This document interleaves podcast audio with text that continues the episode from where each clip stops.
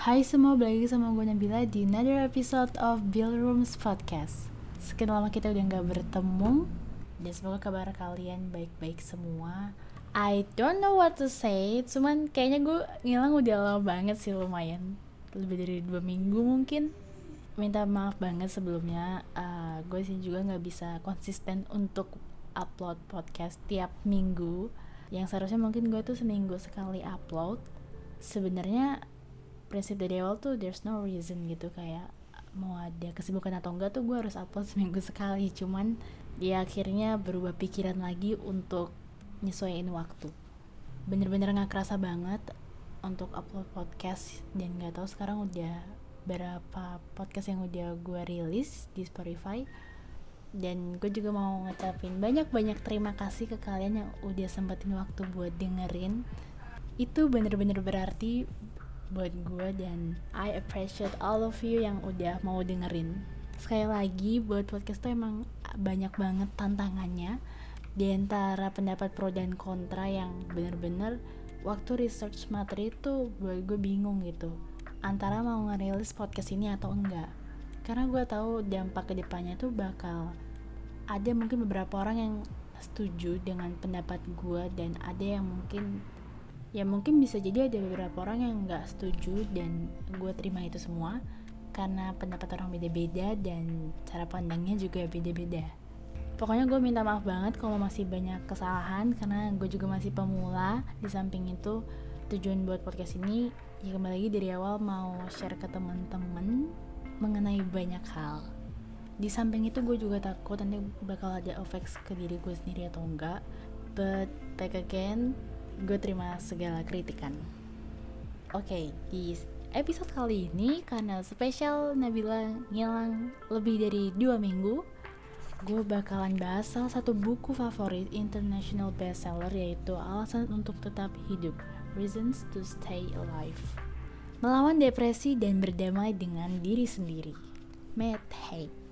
Di sini gue nggak bakal bahas penuh tentang bukunya, tapi bakal nyampein ke kalian beberapa poin-poin yang mungkin akan membantu kalian memahami apa yang, sebenarnya dirasakan oleh orang yang sedang mengalami depresi. Dan mungkin poin-poin ini juga bakal membantu kalian untuk mendalami karakter manusia. Oke, okay, poin pertama yaitu pikiran itu unik. Jadi kalau kalian tahu ya, pikiran manusia itu bener-bener unik gitu dan nggak bisa ketebak kadang. Dan pikiran kita ini sebenarnya kayak jalan. Jadi sewaktu-waktu itu bisa melenceng ke mana-mana dengan cara-cara yang unik dan dengan caranya tersendiri. But it's normal karena kembali lagi dan mungkin tanpa kalian sadari banyak banget fenomena unik yang terjadi di pikiran kita. Kalian kayaknya udah gak begitu asing sama fenomena yang kali ini. Kalian pasti pada tahu kan lagunya Deja Vu dari Olivia Rodrigo? Kira-kira pada tahu gak sih Deja Vu tuh apa? Bagi kalian yang belum tahu deja vu itu apa sebenarnya? Oke, deja vu ini adalah salah satu fenomena yang terjadi ketika seseorang yakin pernah mengalami atau melihat sebuah situasi yang dialami saat itu juga. Jadi mereka itu akan memiliki suatu perasaan familiar yang kuat dan bercampur dengan perasaan aneh. Jadi ketika kalian melihat suatu fenomena atau kayak pengalaman dari orang lain dan kalian merasa pernah mengalami atau melihat situasi yang hampir persis kayak gitu, istilahnya merasa familiar, itulah yang disebut dengan fenomena pikiran kita yaitu deja vu. Sebenarnya banyak banget fenomena unik yang lain yang terjadi di pikiran kita. Kalian yang kepo bisa langsung search di internet aja karena bener-bener banyak banget dan unik-unik. Ya, mungkin pengalaman kita tuh memiliki kesamaan dengan pengalaman orang lain tapi nggak sepenuhnya sama. Oke, kalau kita pahami depresi, kecemasan, atau gangguan panik, dan biasa kita dengar mungkin di TikTok tuh kayak panic attack. Sejauh ini menurut yang kita pahami mungkin nggak ada orang yang ngalamin persis sama menyangkut hal-hal itu. Oke inti dari poin satu ini adalah depresi bagi tiap-tiap orang itu beda. Jadi benar-benar tampaknya tuh beda dari orang satu ke orang lainnya. Ada beberapa kesedihan batin yang dialami dengan cara berbeda-beda dan reaksinya tuh pasti juga beda-beda juga kan dan dengan buku ini gue juga tahu nggak ada cara yang benar maupun keliru dalam menjalani depresi atau mengalami panic attack tapi lebih ke hal-hal yang mungkin bisa membuat mereka untuk bertahan mengalami depresi tersebut. Uh, maksudnya kayak reason to stay alive, jadi membuat mereka mungkin nggak begitu merasa tertekan. Poin kedua yaitu depresi sulit untuk dipahami. Mungkin sepengetahuan kalian rasa depresi itu kayak suatu rasa sedih yang benar-benar orang itu larut dalam kesedihan. Tapi sebenarnya depresi itu benar-benar sama sekali nggak kelihatan. Dan depresi itu bukanlah sekadar merasa agak sedih kalian mungkin udah gak asing sih sama hal yang bakal gue bahas di poin kedua ini. Banyak banget orang-orang di luar sana yang mungkin mempunyai pandangan ataupun pikiran. Orang depresi itu isinya orang sedih-sedih doang, gak pernah bahagia hidupnya, bla bla bla segala macam. Depresi ngapain sih? Kayak banyak banget tahu hal yang bisa kita nikmatin dunia ini. Banyak banget intinya gue udah lihat banyak banget komentar-komentar dari netizen di segala platform media sosial dan emang miris banget ngelihatnya. Depresi sendiri tuh kita juga nggak bisa seolah-olah um, berpikir bahwa kita lagi sedih oh kita depresi.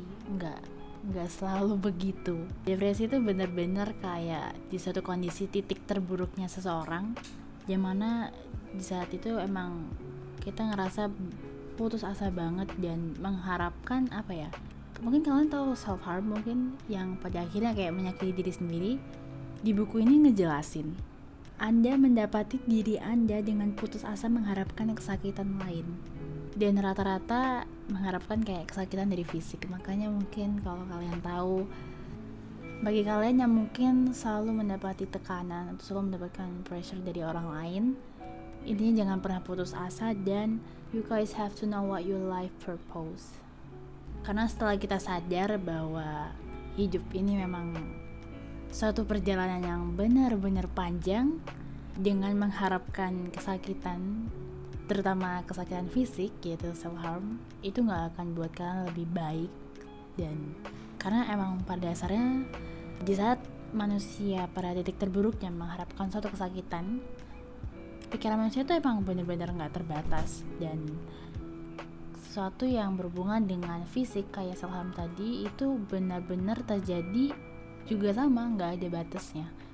Depresi itu antara merasa senang sekaligus sedih dan nggak selalu memiliki sebab yang jelas.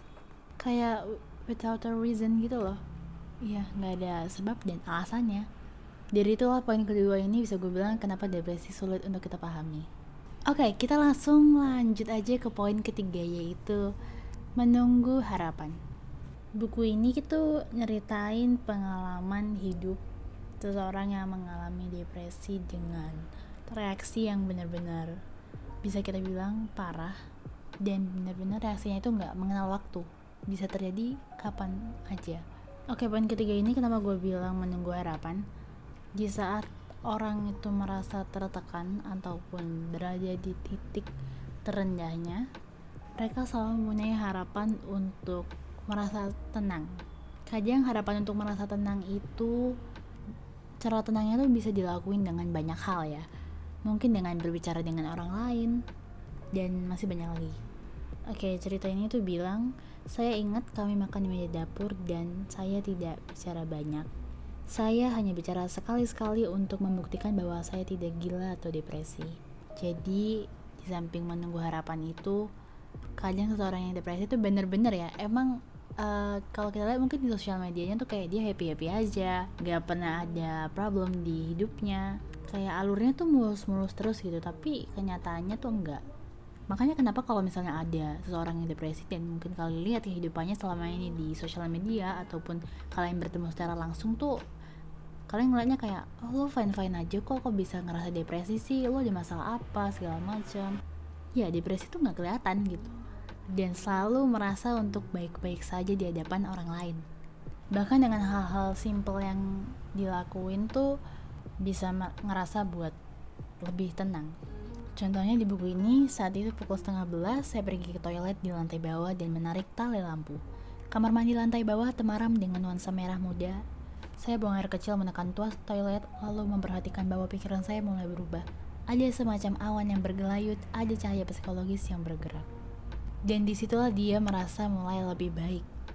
Jadi itulah beberapa poin-poin yang bisa gue sampaikan dari buku Alasan untuk Tetap Hidup atau Reason to Stay Alive dari Matt Haig. Melawan depresi dan berdamai dengan diri sendiri. Buku ini tuh sebenarnya lebih detailnya ya, nyeritain tentang gimana sih rasanya jadi orang yang mengalami gangguan kecemasan atau depresi. Sampai adanya dorongan-dorongan yang bisa memajari perasaan mereka, sampai kayak fisiknya tuh ikut sakit.